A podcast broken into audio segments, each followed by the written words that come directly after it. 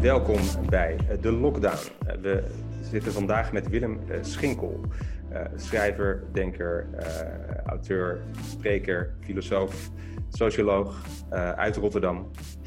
Ehm, en om maar meteen met de vraag te beginnen die iedereen elkaar tegenwoordig stelt. Hoe is het met jou en je omgeving? Nou, met mij is het goed, geloof ik. voor zover je dat los kan zien van je omgeving. Uh, ik heb wel, ik hoorde, ik zag gisteravond dat mijn zoontje die is deze week voor het eerst naar school en die heeft nou een beetje verhoging en keelpijn. Dus wie weet wordt het nog spannend. maar verder gaat het goed. Ja, want de, school, de, scholen zijn net weer open natuurlijk. Ja, ja. Dus het zou heel snel zijn als hij het te pakken heeft. Maar kan, waarschijnlijk is het iets anders. Ik hoop het. Uh, worden er wel regels nageleefd op die school? Worden er, wordt er afstand gehouden? Ja, voor zover dat kan natuurlijk. Uh, het, hele idee is een beetje ja, shaky nogal. En ja, we hebben ook wel getwijfeld over of we dat gingen doen. En, maar ja, uiteindelijk hebben we gedacht, nou ja, dat, dat doen we dan. maar ja, het is, het is een raar gebeuren. Het zou de eerste maatregel zijn, maar het bleek dat er allerlei andere maatregelen op dezelfde dag ingingen. Mm Dadelijk om enig effect te zien van het openen van de scholen. Dus het is allemaal een heel uh, vreemde situatie, maar daar zullen we daar misschien nog wel over hebben. Nog. Ja, ja, ja. maar je merkt in Rotterdam wel dat, uh, dat mensen, dat de, dat de, laten we zeggen, de, de zorg een beetje verminderd is. Of de, de, de, ja, het je merkt het overal, ja. Ja, ja. je merkt overal wel dat dat ineens uh, is het afstand houden veel minder uh, serieus. Uh, wordt veel minder serieus genomen. Dus heel veel mensen hebben toch het idee van, nou, we hebben het gehad, het is achter de rug. En ja, of dat, of dat zo is, dat vraag ik me sterk af. Maar ja, ja, ja oké. Okay. Um, ehm, nou, waar we je eigenlijk voor uitnodigden vanuit de lockdown, is omdat wij ja, ook een podium willen bieden aan radicaal sociale ideeën en oplossingen, waar jij natuurlijk ook al bekend om staat. Ehm, ook omdat we uh, allemaal de, de, de reactie, de politieke reactie op de crisis van 2008 nog vers in ons geheugen hebben. En ook een beetje een, hmm. een déjà vu gevoel hebben bij deze crisis. Uh, we weten allemaal wat er toen gebeurde, dat, dat er in, in rap tempo uh, werd, ontstond er een panieksfeer, werden banken gered met grote kapitaalinjecties waar niet altijd heel erg democratisch over besloten werd, volgens mij. Werd ondertussen flink bezuinigd op sociale voorzieningen in Nederland, in Griekenland, in Zuid-Europa. Waarschijnlijk erger dan in, in Nederland. En in zekere zin gebeurt dit nu ook al. In rap tempo zitten we ineens weer in, in, in een vergelijkbare situatie. En, en, en zijn er ook weer gigantische reddingsoperaties van KLM en andere bedrijven. Ehm, nou, als eerste vraag, hoe zie jij dit een beetje? Heb je ook een déjà vu gevoel of denk je, nou, dit is wel echt iets heel anders? Of? Nee, ik denk uh, dat het déjà vu gevoel dat dat uh, ergens op gebaseerd is. Um, ik denk dat we ook deze keer gaan zien dat, uh, dat kapitaal gered gaat worden en, en niet arbeid. dus in die zin is er niks fundamenteels veranderd ook. de staat is er in de eerste plaats om kapitaal te, te stutten en niet om iets anders te doen.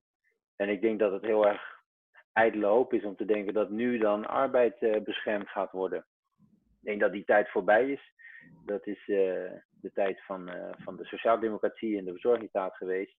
En daarin heeft de sociaaldemocratie in belangrijke mate bijgedragen aan de participatie van mensen in kapitaalaccumulatie. maar die participatie is steeds minder geworden, in die zin dat mensen er steeds minder voor terugkrijgen natuurlijk. Dus het, het, idee was altijd, iedereen krijgt het gradueel beter. En dat is al sinds eind jaren zeventig in, het, in het Westen eigenlijk tanende. En dat heeft ermee te maken dat, dat schuld eigenlijk die participatie heeft vervangen. Dus je kunt mensen ook door schuld en verschulding laten participeren in een systeem waarbij ze niet meer participeren in accumulatie. Dus ze delen niet meer in de, in, in de accumulatie van kapitaal, maar ehm, participeren nog wel omdat ze schuld hebben. En dat geldt voor ons allemaal eigenlijk. Collectief geldt het en het geldt voor ons individueel. En uh, je zou kunnen zeggen dat, dat men op een gegeven moment uh, erachter, erachter kwam dat, dat je mensen via verschulding eigenlijk op een veel goedkopere manier kan laten participeren dan wanneer je ze laat delen in de winsten. Uh, dus dus de, je zou kunnen zeggen dat de vorige crisis ook in heel belangrijke mate veroorzaakt is door het ophopen van schulden en het vervolgens speculeren daarmee en het verpakken daarvan in, in allerlei onveilige producten. Maar de schulden waren lagen aan de basis daarvan. Op een, als, je, als je mensen niet langer uh, in hun loon uh, erop vooruit laat gaan en ze niet laat delen in de accumulatie van kapitaal, ja, mhm. dan zul je ze op een andere manier moeten laten consumeren. En, en schulden waren daarvoor de, de, de oplossing toen. En die waren de oorzaak van de crisis in belangrijke mate. Maar een schuldpolitiek is precies wat we gehad hebben in reactie op de crisis. Dus de hele uh, move naar bezuinigen, hè, wat, wat heel eufemistisch bezuinigen heet, naar austerity, is een verder uitknijpen geweest van uh, uh, alle collectieven, maar ook van, van individuele mensen. om weer als het ware te betalen voor wat er was aangericht. En ik denk dat we nu eigenlijk al de, de, de voortekenen zien van, van hetzelfde weer. En, en het grappige is daarbij dat dat, het, dat je ook alle economen hebt die zeggen, ja, je moet, austerity moet je niet doen als het slecht gaat. En, maar ik denk dat wat, wat cruciaal is om te vatten daar is dat austerity gebeurt niet omdat het economisch gezien goed zou zijn voor iedereen of voor de economie. Austerity gebeurt omdat, het, uh, omdat schuld een vorm van macht is. En uiteindelijk is dat waar dit allemaal om draait. Dus um, denk ik dat de eerste voortekenen die we zien, ministers die zeggen, ja goed, uh, op een dag uh, zullen we natuurlijk wel dit allemaal op moeten hoesten. Mhm. en, de, en de eerste voorstellen ook, hè, die, die nu toevallig komen uit de brede maatschappelijke heroverwegingen. die eerste voorstellen, die, die saillant genoeg voorstellen zijn voor bezuinigingen op zorg, op bijstand, op hoger onderwijs nu ook. die zijn er alweer en die, die, die zijn daar ja, vrij om op te pakken voor bestuurders straks. Dus uh, al, al alles wijst erop dat we uh, jaren van uh, austerity ingaan weer. Ja, gewoon eigenlijk een herhaling. hoewel ik, ik me ook afvraag of we, of we niet iets ook geleerd hebben van die vorige crisis. Hè? Die leeft toch wel in ons collectieve geheugen. Dat er toch misschien andere sentimenten nu zijn. Of, of, of een soort sentiment van, ja, we gaan dat niet nog een keer op, op dezelfde manier doen. Nou, ik, ik weet niet. Ik denk niet dat er, iets, uh, dat er op die manier iets geleerd wordt. Want uh, kapitaal is helemaal geen belang bij dat leren. Het enige wat kapitaal geleerd heeft is. Oh, je kunt al die shit doen en ermee wegkomen. Je kunt de Grieken totaal uitkleden. Je hmm. kunt ze het mes op de keel zetten en ze blijven nog bij de EU. Is, je zou kunnen zeggen, wat, wat straks weer gebeurt, is gewoon, en wat eigenlijk Nederland nu al doet, met um, uh, Italië bijvoorbeeld, is eigenlijk simpelweg proberen hoe ver kunnen we gaan. En het blijkt, je kunt heel erg ver gaan. Want de Italianen hebben nog steeds het idee dat het nuttig voor ze is om in de EU te zitten. Dus, dus uh, voor zover er iets geleerd is in de vorige crisis, is dat je al die shit kan doen en ermee weg kunt komen. Dus ik ben daar niet zo heel optimistisch over. En tegelijkertijd is het natuurlijk heel grappig, want wat we nu zien, in effect, is dat, dat het anders kan. de, dat, je, uh, dat je de lonen van uh, miljoenen werknemers, dat je die gewoon uh, voor je rekening kan nemen als overheid. En ja. dat daar niet een onmiddellijke tegenprestatie tegenover staat. We zien dus eigenlijk dat geld een manier is om gewoon alles gaande te houden zonder dat het ergens op gebaseerd is verder. Zonder dat geld uiteindelijk een of andere intrinsieke waarde heeft of achterliggende intrinsieke waarde die terugbetaald zou moeten worden. Dus we zien dat in effect. We hebben eigenlijk een vorm van staatssocialisme nu. En tegelijkertijd is het sentiment, uh, oké, okay, move on, nothing to see here. Weet je wel, de, de, zo van, eh, de, de, de liberale politici doen dit nu, mm -hmm. maar doen tegelijkertijd, ja, maar het is even uitzonderlijk deze situatie. Dat er is niets fundamenteels aan de hand. we doen wel iets wat we gezworen hadden nooit te doen, en wat de aardsvijand alleen maar voorstelt, maar uh, er is er niet, verder niks aan de hand. Dus enerzijds willen ze ons doen geloven dat het kan, dat je gewoon ergens geld soeverein kunt inzetten en zelfs soeverein kunt scheppen uiteindelijk. En anderzijds willen ze ons doen geloven straks weer dat ja, geld toch wel ergens op gebaseerd is. En dat dat geld toch terugbetaald moet worden. En dat is natuurlijk radicale onzin, maar dat is waar uh, de, de macht weer komt kijken. En, en uiteindelijk uh, is dat dus een manier niet om, om de werknemers uh, te redden. Niet om arbeid te redden hier, maar om kapitaal te redden. Want de arbeid, de kosten van de arbeid nu, van de arbeid die er veelal niet is, die zal toch, toch terugberekend gaan worden. Met terugwerkende kracht gaat dat uh, op ons bordje komen. Ja, die, dat wordt uh, ons nu ook wel verteld, uh, dat die rekening die, die komt uiteindelijk wel. Ja, dus, en dat is het gevecht van de komende jaren, echt. En, en voor mijn gevoel is dat echt een van de dingen waar links nu zich voor moet bewapenen, echt. Ja, ja, ja. In, in, principe leeft die discussie ook al enigszins. Hè, dat, dat, er zijn mensen die roepen dat, dat de rekening hiervan niet bij de armsten neer moet worden gelegd, maar via vermogensbelastingen, uh, juist belasting op de rijken, herverdeling. En op die manier uh, uh, ja, op een sociaal-democratische, Keynesiaanse manier uit de crisis kunnen komen. Waar we je ook voor uitnodigt is specifiek voor iets wat je schreef in NRC. En ehm, dat, daar had ik ook een beetje een déjà vu gevoel bij, omdat je ziet dat ook, we zagen dat ook bij de vorige crisis in 2008 dat er uh, weer ruimte ontstaat in het maatschappelijk debat voor echt uh, radicale, fundament fundamentele andere toekomstvisies. En ehm, Marx, die werd weer genoemd, zelfs de Economist en de Financial Times, die, die, die, die, die, hadden het weer over Marx na 2008.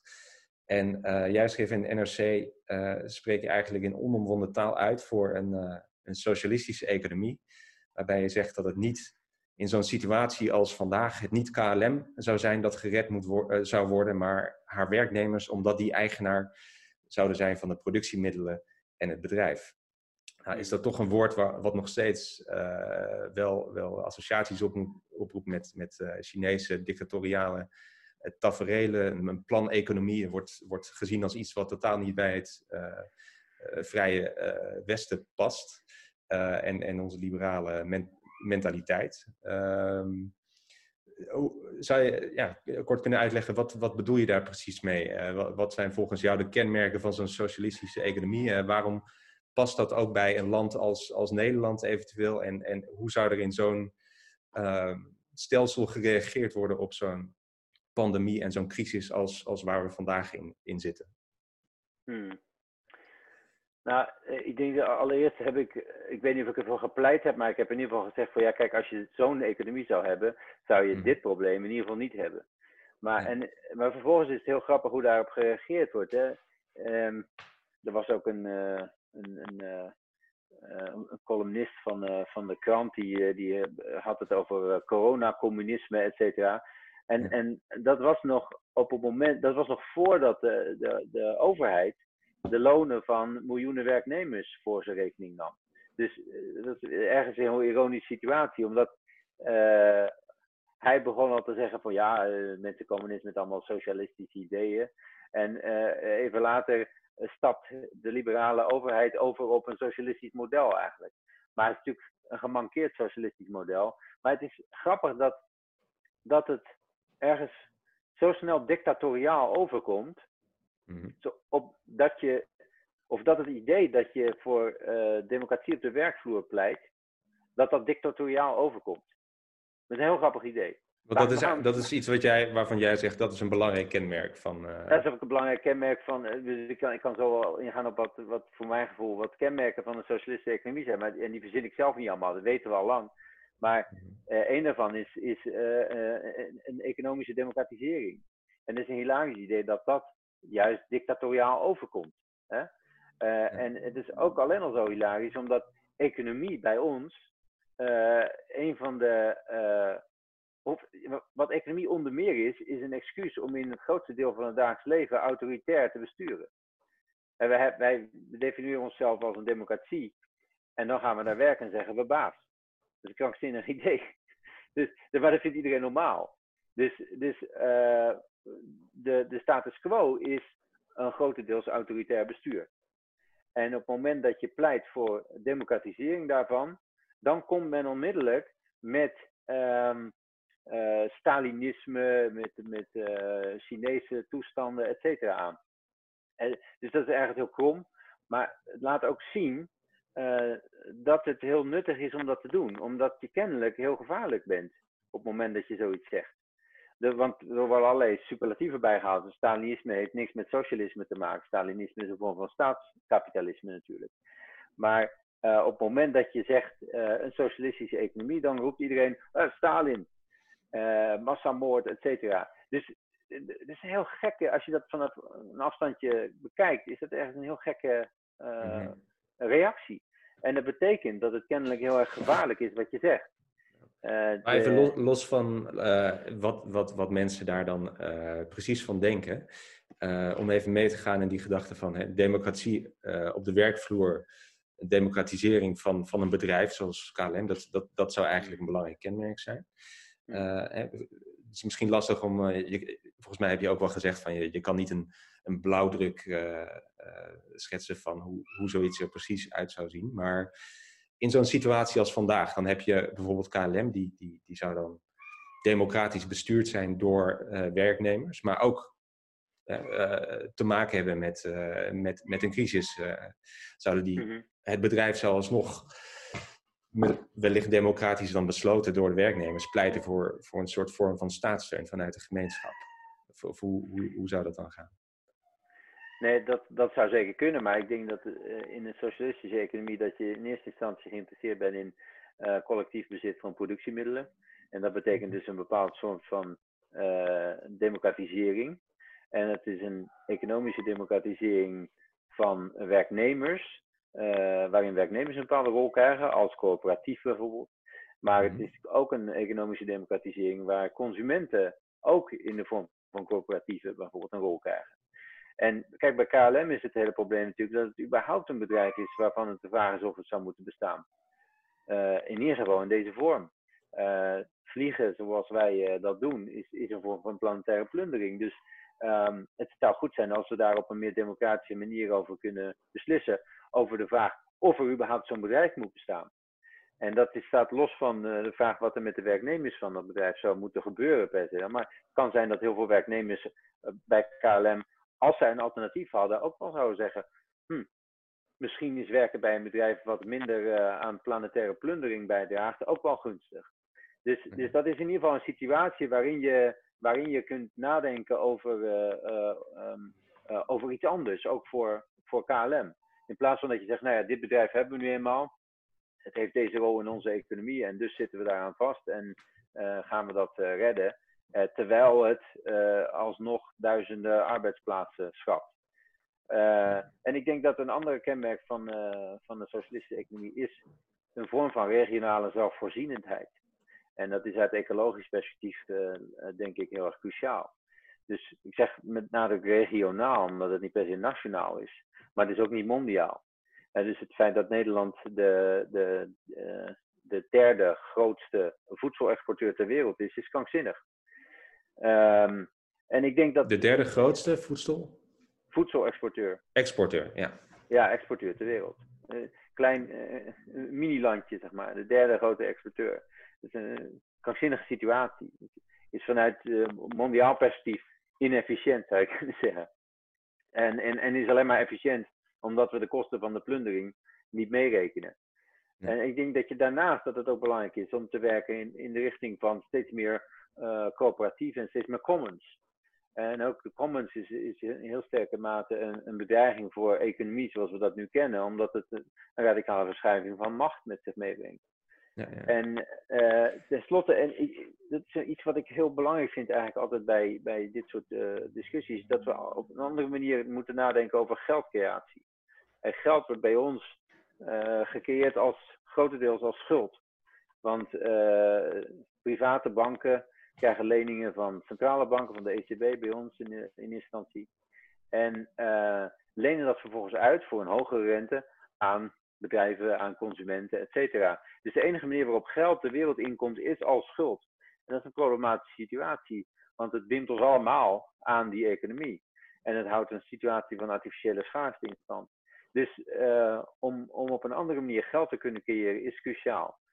Daarvoor is uh, een vorm van soevereine geldcreatie is noodzakelijk. Dus je zult een of andere meer soevereine controle over geldproductie uh, moeten hebben.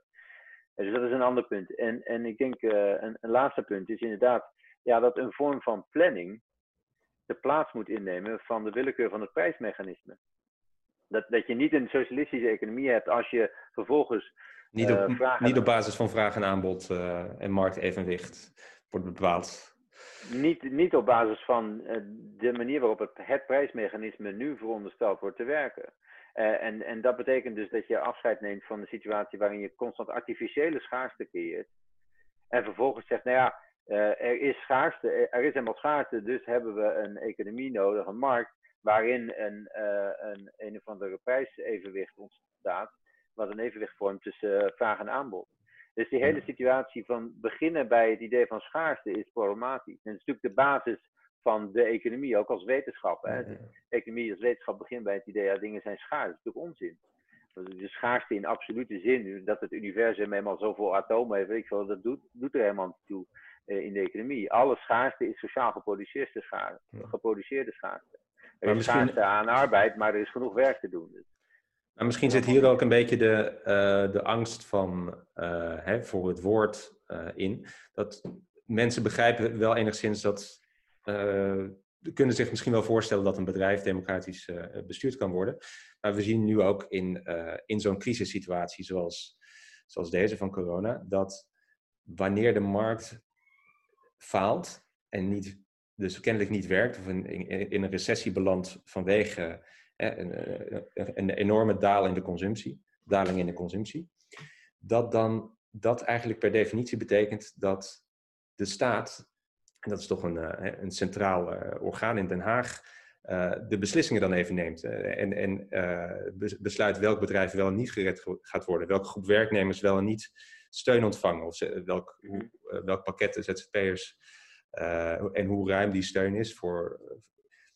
Is het, het is toch lastig om voor te stellen dat zo'n planeconomie, hè, of, of dat zo'n zo'n vorm van centrale planning, dat dat uh, op de lange termijn uh, op een democratische manier vol kan worden gehouden. Het wordt nu wel een soort van geaccepteerd als een soort crisisnood maatregel, maar zie je ook voor je dat, dat dat op een democratische manier kan plaatsvinden? Nou, ik denk dat, uh, dat het eerst belangrijk is om de vraag, die vraag te stellen over het prijsmechanisme. En dan is het heel snel duidelijk dat dat niet het geval is. Er is niks democratisch aan de manier waarop nu uh, coördinatie van vraag en aanbod uh, tot stand komt. Er is niks democratisch aan de manier waarop nu distributie van levensmiddelen plaatsvindt. En als ik het heb over levensmiddelen, vind ik het ook belangrijk om een streepje tussen te plaatsen. Het gaat om levensmiddelen. Dus de middelen om te leven, die zijn mhm. nu overgelaten aan de willekeur van het prijsmechanisme. En uiteindelijk dus staan ze in dienst van de accumulatie van kapitaal. Dus, uh, en, en ik denk ook dat het zeker niet nodig is om uh, bij, bij alles uh, centraal te plannen. Planning hoeft niet per se centrale planning te zijn. Je kunt dat op allerlei niveaus doen. En het, ik denk dat er ook allerlei voorstellen wel al lang bestaan voor manieren om een, een heel soort van gelaagde economie te hebben, waarin je op corporatief niveau iedere keer democratisch besluit uh, wat je wilt eigenlijk collectief. Dus er zijn zeker manieren om dat te doen.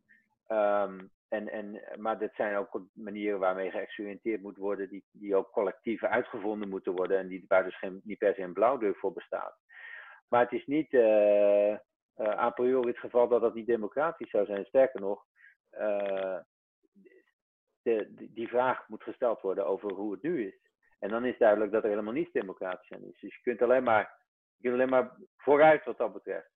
Ja, en ja. Uh, ik, ik, denk ook dat, kijk, sommige diensten en goederen zul je op een relatief hoog niveau willen coördineren. Dus, dus als, als het gaat om zorg en openbaar vervoer bijvoorbeeld, dan zul je dat centraal willen doen. Maar waarom zou dat niet democratisch kunnen? Of waarom zou dat niet democratisch zijn? Dat... Zie je bijvoorbeeld voor je een, een stap in de goede richting als er bijvoorbeeld een referendum zou worden gehouden over het wel of niet redden van KLM? Of, of Nee, ik vind een referendum is niet per se uh, invulling geven aan democratie. Al, al, dat soort vormen eh, van democratie zijn manieren om de mensen weg te houden natuurlijk. Dat zijn manieren om de mensen op een afstand te houden. Dus als je het hebt over serieuze democratie, moet er ook iets op het spel staan. Moeten mensen zelf ook op een of andere manier eigenaar zijn van datgene waarover ze hun mening geven. En zolang dat niet het geval is, is het allemaal gebabbel. En, eh, dus dus, dus uh, het hele pleidooi voor, de, voor, voor het referendum is, is uh, met name populair onder, uh, onder populisten en, en fascisten, die, die daarmee een makkelijk middel zien om de veronderstel, het veronderstelde bestaan van het volk aan te tonen. Om te zeggen, kijk, dit, dit is het volk, dit is wat het volk wil. Maar dat is natuurlijk onzin, want het blijkt in alle representatieve democratie dat het volk niet één is. Zodra er gestemd wordt, blijkt pas, oh, dit is het volk. En wat blijkt dan? Het is niet één. Het is verdeeld. Het is het, is het oneens met zichzelf. Uh, dus moet een of andere eh, compromis ontstaan waarin helemaal niemand zich herkent. Ja. Dus dat zijn democratische procedures waar, waar je ook, uh, die niet heilig zijn. Er zijn alternatieven voor. Nog even kort voordat we naar de volgende vraag gaan. Zijn er voor jou dan historische voorbeelden of, of, of, of regio's van vandaag die volgens jou een, een stap in de goede richting zijn? Waarvan je denkt van ja, kijk, zie je daar daar, daaruit bleek dat dat, dat, dat, dat dat prima kan werken en dat het niet uh, dictatoriaal hoeft te zijn of, uh, of, of stalinistisch. Nou, ik denk dat je zelfs, zelfs in, in uh, onze eigen geschiedenis in, is er een tijd geweest, en bedoel, dat, dat was de sociaaldemocratie en had zeer grote beperkingen wat mij betreft, maar zelfs -hmm. daarin waren een aantal, in ieder geval, checks op de macht van kapitaal, waarvan ja, die aangetoond hebben dat dat natuurlijk kan. En vervolgens stikt het van de, van de experimenten op, op een uh, meer decentraal niveau van commons en commoning. Dat is heel, dat is heel populair nu. Ja. En, en met goede reden, denk ik. En uh, da, dat biedt allemaal materiaal om te werken naar iets wat in ieder geval minder irrationeel is dan wat we nu hebben. Kijk, wat we nu hebben is, is een uh, prijsmechanisme en, uh, en een distributie van levensmiddelen op basis van just-in-time. Op basis van een, een, logistiek die, die één doel heeft en dat is uh, kapitaalaccumulatie, maximeren. En just-in-time betekent eigenlijk dat er een permanent zwaard van Damocles boven je hangt. Omdat het zomaar kan zijn dat er morgen geen voorraad is. Uh, en, en dus, Heel kort, met, met kapitaalaccumulatie bedoel je gewoon het maximaliseren van de winsten? Ja, en het, en het uh, accumuleren van kapitaal onder een heel zeer kleine uh, klasse. Ja. Dus wat, wat soms de 1% genoemd wordt, en in effect nog wel kleiner is dan dat. En, en, en dat gaat gepaard met, met een vorm van proletarisering van eigenlijk heel, heel de rest. natuurlijk. Ja, ja. Dus, dus, maar dat, dat om, om, daar nog één ding over te zeggen, dat, dat over die de just-in-time, zeg maar want de hele tijd heb je een soort van uh, zwaard van Damocles boven je hoofd hangen. En het, wat dat laat zien is dat, dat zie je bij, uh, of het nou om toiletpapier recent gaat of om mondkapjes. Je ziet dat efficiëntie ons de nek omdoet. Of ons de das omdoet. Uh, dus efficiëntie is een probleem. En efficiëntie is, blijkt alleen maar efficiënt te zijn voor diegenen die aan de kant van de accumulatie zitten. Niet voor uh, de mensen, niet voor ons allemaal. Dus wat, wat, wat, wat, zijn de nadelen van dit systeem dan? Voor uh, nou, dat je, het gros van de bevolking? Dat is, dat is blijkt dat je op het moment dat je uh, zelfs om levens te redden bepaalde testen nodig hebt of zo, dat je volstrekt afhankelijk bent van logistieke lijnen die mondiaal lopen en waar niemand geïnteresseerd is in een of andere vorm van rechtvaardigheid, niemand ge geïnteresseerd is in, in een goede verdeling maar iedereen geïnteresseerd is in maximering van, uh, van winst, inderdaad. Ja. En, en dus dat is een uh, afhankelijkheid die, die, die vanuit simpelweg het oogpunt van, nou, hoe leef je goed met elkaar, samen, irrationeel en inefficiënt is. Maar die heet efficiënt te zijn. Ja. Dus, en, en Ik zit ook te denken misschien aan uh, het feit dat er in bepaalde zorginstellingen tekort aan mondkapjes zijn. Heel, heel, heel simpel gedacht. Dat, dat klinkt wel als, als iets economisch efficiënt misschien, maar wat, wat uh, volgens andere maatstaven, waar, waar dan andere keuzes in gemaakt zouden worden. Ook, ook de hoeveelheid aan testen of, of de hoeveelheid aan uh, IC-bedden die we in Nederland hebben, is ook uh, relatief laag volgens mij, vergeleken met andere landen. Ja. Nee, dat is een goed voorbeeld van, ook weer van, van hoe, waarin je kunt zien dat schaarste altijd artificiële schaarste is. is actief sociaal gecreëerde schaarste. En uh, daar kun je allerlei andere keuzes in maken. En, en veel mensen zeggen, ja, doorgaans gaat dat toch goed, maar dat is precies het punt. Het zijn de, de momenten waarop het om gaat, de leven- en doodmomenten. Daarop is het cruciaal dat het anders gaat. Overigens, de manier waarop wij uh, onze uh, productie en distributie georganiseerd hebben, is voor hele grote delen van de wereld al lang rampzalig voor de, dus de, de, de mondiale logistiek is een, is een heel dodelijke business. Op uh, hele grote gebieden van de aarde is dat al lang duidelijk. Uh, en, en dat is misschien een van de weinige dingen die we nu dan leren. Dat, dat ook wij uh, kwetsbaar zijn hier in het Westen. In een systeem wat wij mede hebben opgetuigd. Maar wat al lang gokt permanent met de kwetsbare levens van allerlei anderen over heel de wereld. Alle mensen die grondstoffen winnen. Uh, alle, alle mensen die als piraat worden gezien voor de kust van Somalië bijvoorbeeld, wat een van de meest bevaarde, uh, bevaren routes is in de mondiale logistiek. Uh, waar simpelweg, die simpelweg gebombardeerd worden bijvoorbeeld, omdat ze onze logistiek in de weg zitten. Die weten al lang dat wij een, een, mondiaal systeem in, stand houden, wat dodelijk effect heeft. Ja, Oké. Die weten dat al lang, maar even positief bekeken, een beetje optimistisch door, uh, door een roze bril of een rode bril. Heb je niet ook het gevoel dat er, dat er met deze crisis en misschien ook uh, net als bij de vorige crisis wel meer discussie ontstaat en meer, um, ja, meer, meer kritisch nagedacht wordt over, over dit systeem? Wat ik toch ook zie langskomen. Op internet um, er zijn toch een hoop linkse sentimenten die weer rondzingen. Um, allerlei symbolische acties die plaatsvinden. Hè, gewoon uh, tekenen van, uh, van, van solidariteit onderling op, op buurtniveau of met, met, met zorgwerkers, met de vitale beroepen. Maar ook petities die uit, als paddenstoelen de grond uitkomen van, van prominente opiniemakers. die, die ervoor pleiten dat bedrijven ook alleen maar gesteund mogen worden als ze zich maatschappelijk verantwoord opstellen en duurzaam handelen en geen belasting ontwijken, et cetera. Dat was in ieder geval de boodschap van een brief van, van Ewald Engeler, Marcia Luiten en Jeroen Smit in de, in de Volkskrant. Um, er was ook een ander manifest van 170 wetenschappers die roep, oproept op, uh, om radicaal groen uit deze crisis te komen. Uh, allerlei ideeën die ook de afgelopen jaren uh, op tafel zijn gelegd door denkers. De, bijvoorbeeld het basisinkomen, schuldenkwijtschelding, um, uh, kritiek op marktwerking in de zorg. Die ideeën liggen weer op tafel voor mijn gevoel. Er, wordt weer, er is weer ruimte voor kritisch debat. En, en, zelfs Rutte die lijkt een beetje te flirten met, met links en, en, en zei zelf dat Nederland in de kern diep socialistisch is. Um, dus heeft, heeft uh, optimistisch bekeken heeft, heeft links niet een beetje de, de wind in de zeilen. Is, gaat het niet, uh, uh, zijn, we, zijn we wat dat betreft wakker aan het worden zoals jij zou willen zien? Um, nou, nee, kijk, ik zou zeggen, enerzijds ja, er, is allerlei solidariteit. Maar het is heel erg verbazingwekkend dat dat als verbazingwekkend gezien wordt. Maar natuurlijk is er allerlei solidariteit. Natuurlijk geven mensen om elkaar. Natuurlijk doen mensen dingen voor elkaar zonder dat het geld kost. Dat hebben we altijd gedaan. Dat is een, dat is een historische constante eigenlijk. En eh, het vergt een heel specifiek systeem om dat kapot te maken. Om, om, om ons alle incentives te geven om dat niet te doen.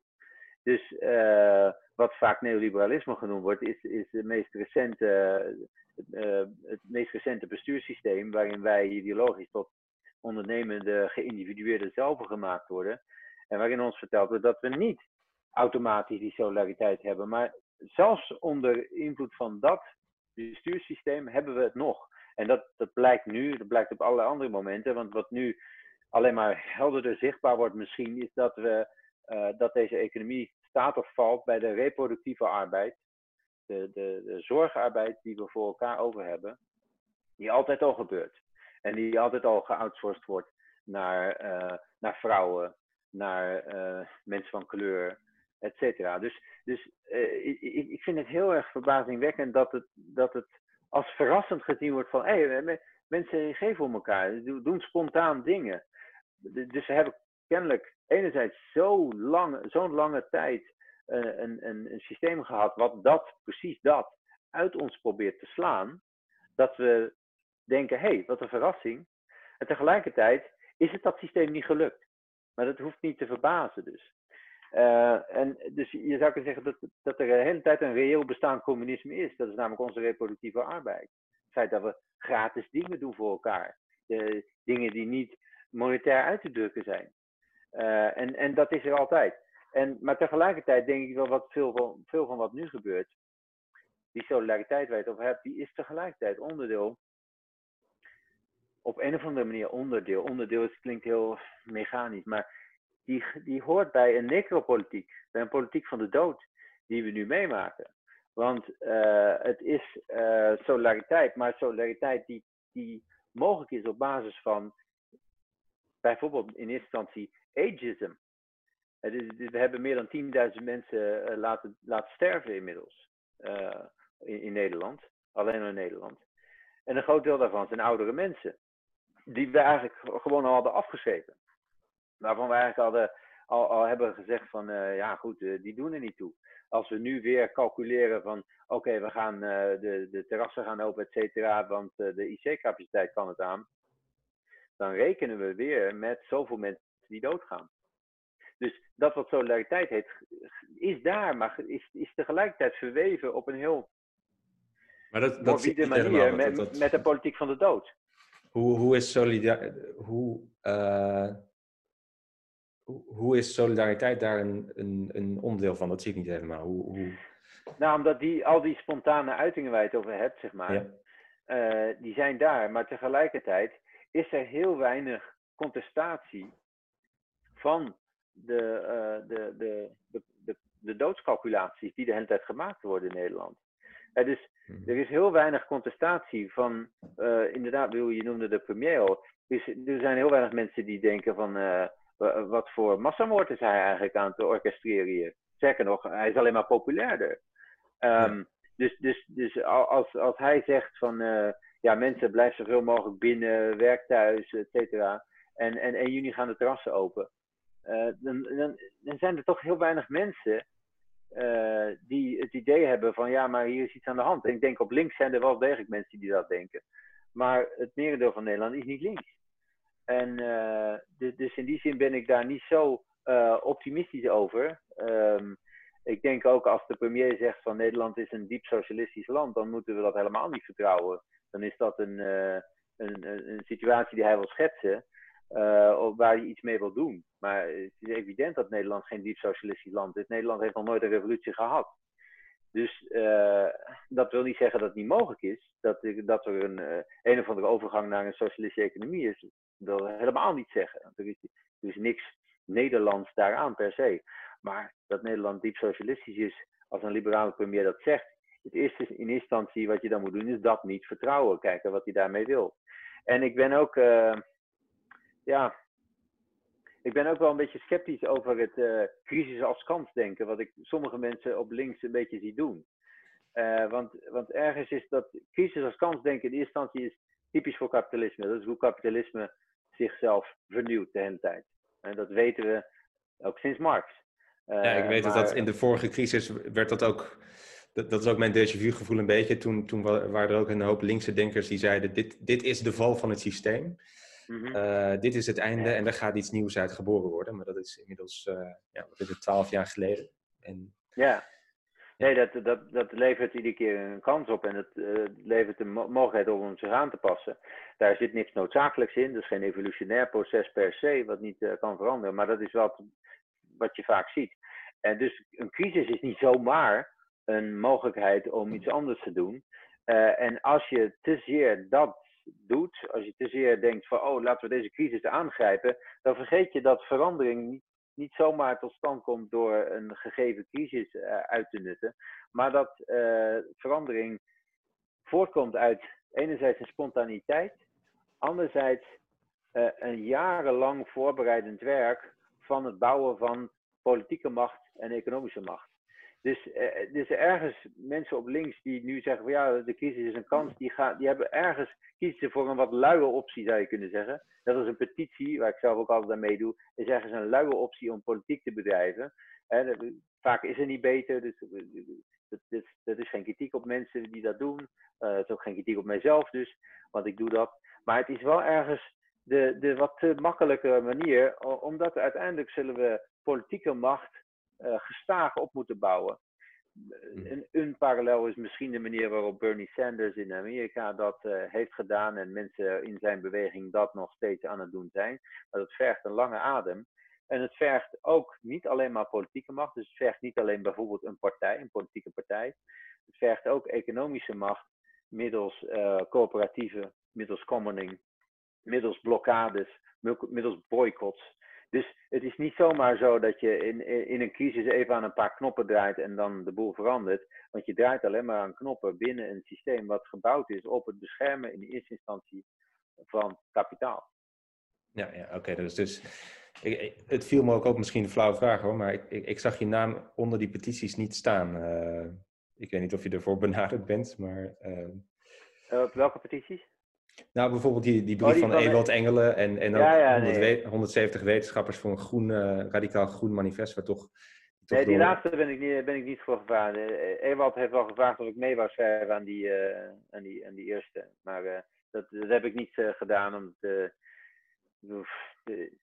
Kijk, je, ik vind, er staan belangrijke dingen in en tegelijkertijd vind ik het een, een, een, problematisch idee dat, dat je nu kunt zeggen wat dan de goede en de slechte bedrijven zijn. Of dat we nu zien wat, wat zeg maar de foundational economy is. Uh, ik, denk, ik vind dat een val om in te trappen, want dan ga je nog steeds zeggen, oh, maar dit is waar, waar de economische waarde uiteindelijk in gegrond is. En, en dat is uh, fundamenteel een, uh, een, problematisch idee. Ja, ja want wat, die eigenlijk, wat, wat ze eigenlijk zeggen is, help de bedrijven die, die zich goed gedragen hebben en, en tonen dat ze maatschappelijk betrokken zijn. En, en niet, niet de bedrijven ja. die belasting ontwijken. En, ja, nee, en dat is, dat is op allerlei manieren nuttig om te doen. En het is op alle manieren gunstig. Maar is niet de boodschap die ik zelf, als ik, als ik dan zelf een stuk eh, onderteken, want ik zou dan met name in de krant ge, met, met hun drieën gehad hebben, zeg maar. Dus dat is daar, daar kies ik dan niet voor. Maar ik vind het wel belangrijk, heb ik ook tegen hem gezegd. Belangrijk dat dat zo gebeurt. Ja, maar je wil een maar, andere uh, boodschap uh, benadrukken. Zelf, zelf, ja, ja. En ik denk dat dat uh, ook belangrijk is, want kijk, een, een, een lastig uh, probleem op links is natuurlijk dat we het onderling nooit eens zijn. maar is ook de, uh, de kracht. Want op het moment dat iedereen uh, het, hetzelfde roept, dan heb je een links wat, wat problemen gaat creëren. Ja, ja, ja. oké. Um, even los van het economische. Misschien, je hebt in het verleden natuurlijk over ontzettend veel onderwerpen geschreven. ras, identiteit, kolonialisme, globalisering, fascisme. Uh, zie je de afgelopen weken of, of voorzie je voor de toekomst nog, nog andere grote gevolgen van deze crisis? Een beetje los van meer de, het economische, de economische dimensie die we besproken hebben. Uh, nou, ik denk het gevaar is, is, is dat uh, we dadelijk. dus tot aan deze crisis hebben we een gestage groei van, uh, van fascisme gezien in, in, uh, in heel het Westen eigenlijk. En dat heeft te maken met uh, de, de, het feit dat, dat we, en daar hadden we het eerder over, dat arbeiders het niet meer steeds beter hebben gekregen. Dus dat, dat, dat het gat tussen arbeid en kapitaal groter is geworden. En wat, wat, wat fascisten dan doen is niet zeggen, oké, wat we nodig hebben is een, een, een omvattende solidariteit zodat we een vuist kunnen maken tegen kapitaal. Dit is een, dus een solidariteit tussen arbeiders, internationaal. Ook een solidariteit tussen witte en niet-witte arbeiders. Tussen mannelijke en vrouwelijke arbeiders. Dat hebben ze niet gedaan. Dat, daar kiezen ze niet voor. Waar ze voor kiezen is zeggen: nee, we kunnen consolideren. We kunnen vasthouden wat we hebben.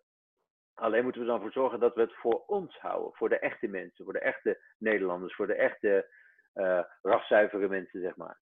En uh, dat is, dat is het, het aanbod van, van fascisten als Forum voor Democratie bijvoorbeeld. Die, die zeggen, nee, hey, er hoeft niks fundamenteels te veranderen, er is ook geen planetaire plundering gaande, kan allemaal, want het gaat ten koste in eerste instantie van de, de niet-witte mensen. En als we die maar, uh, uh, als we geweld tegen die mensen oké vinden, geweld aan de Europese grenzen bijvoorbeeld, de massamoord aan, op de Middellandse Zee, als we dat oké vinden, ja, dan kunnen we het voor ons redden. Dat is een illusie natuurlijk, zelf dat is een illusie. Maar dat is hun aanbod. En dat aanbod, daar, kom je niet, daar ga je niet iets tegen doen door te zeggen, ja, oké, we moeten toch een beetje naar de boze witte burger luisteren. We moeten toch een beetje meebewegen met de, populisten. Dat is alleen maar toegeven daaraan. En dat is alleen maar het beest voeden als het ware. Dus dat is, tot nog toe was dat de, de, de, situatie eigenlijk. Waarin ook links geen enkel alternatief daarvoor had. Dus als je kijkt naar uh, partijen als de PvdA of GroenLinks, voor zover dat überhaupt links wil noemen. Maar de, laten we zeggen nominaal links, reëel bestaand links. Die hadden gewoon tot nog toe de strategie, ja nee oké, we moeten toch naar die boze witte burger luisteren. Hè. Iemand als Jesse Klaver die dan zegt, nou we gaan het niet zoveel meer over migratie hebben. We gaan naar, naar gewone mensen luisteren. De gewone mens is gewoon de witte, de witte burger. Dus die kiezen, die zitten op dat pad gewoon. En dat is heel hun politieke strategie is gedicteerd door mm fascisten die in uh, directe zin uh, nog marginale macht hebben maar die in indirecte zin dus het hele politieke veld van posities ordenen, zou je kunnen zeggen. Uh, nou, nu krijgen we een situatie waarin we jaren van austerity misschien wel ingaan. Uh, en waarin we echt magere jaren krijgen. Dus die strategie van consolidatie ligt voor de hand. om verder uitgevoerd te worden, uitgerold te worden om verder overgenomen Deze crisis is een, andere partijen. een voedingsbodem voor versterking van dat sentiment van misschien eh, absoluut, uh, eigen volk eerst en even, even geen, we hebben geen cent nu over absoluut, voor, absoluut. voor migratie of ontwikkelingshulp. Absoluut. Het was de eerste reactie van onze minister toen de Italianen vroegen om steun. Om, om meteen aan food dragging te doen, midden in de crisis. Of, of je nou voor of tegen Eurobonds bent, maar het was meteen food dragging. Het, was, het ging om de boodschap daar. Nee, nee, je kunt niet automatisch op ons rekenen. Wij zetten jullie mes op de keel. En uh, dus, dus dat is een, politieke strategie die, uh, die het hele politieke veld domineert eigenlijk. Los van de specifieke posities is dat de ordenende beweging er doorheen. En dat dreigt alleen maar sterker te worden. En daarom is het echt absoluut cruciaal voor partijen die zichzelf links noemen, om daar radicaal mee te breken. En om dat te doen, uh, wetende dat het je misschien in eerste instantie wat stemmen kost. Het probleem van een partij als GroenLinks is bijvoorbeeld dat die de hele tijd denken: ja, we willen aan de knoppen zitten, we willen, we willen macht hebben, we willen regeren. En dat is een illusie waarmee links alleen maar uh, kleiner en kleiner en kleiner wordt. Totdat je de situatie hebt, zoals bij de vorige verkiezingen, dat links volstrekt marginaal geworden is en alles en GroenLinks een soort van afvalbak van de restjes van links is. En ze daar de Polonaise gaan lopen doen na de verkiezingen. Alsof ze gek zijn, alsof ze niet doorhebben wat er eigenlijk aan de hand is met, met, met links. En uh, dus, dus op links is, politiek links is de uitdaging om weerstand te bieden tegen die strategie van consolideren, die alleen maar sterker gaat worden. Oké. Om, uh, om af te sluiten, als laatste vraag. Um, als jij vandaag, uh, als we jou een, uh, een krijtje zouden geven met de opdracht om iets te stoepkrijten op straat voor je deur in Rotterdam, een boodschap die je mensen wil geven, een woord of een zin, wat, wat zou dat zijn? Wat zou je opschrijven? Of wat zou je willen dat mensen opschrijven op, op de straat, op de stoepen?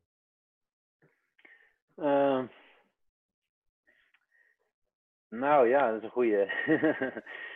Ik weet niet. Um, het kan een woord zijn, uh, of, een, of een symbool, of een, uh, een zin. Oké. Okay. Nou, misschien zou ik zeggen, uh, wij zijn niemand iets verschuldigd of zo. Of, of er is niets wat terugbetaald hoeft te worden. Sorry, wat was dat laatste? Er is niets wat terugbetaald hoeft te worden. Er is niets wat terugbetaald hoeft te worden. Ja. ja. Zoiets. Ja. Helder.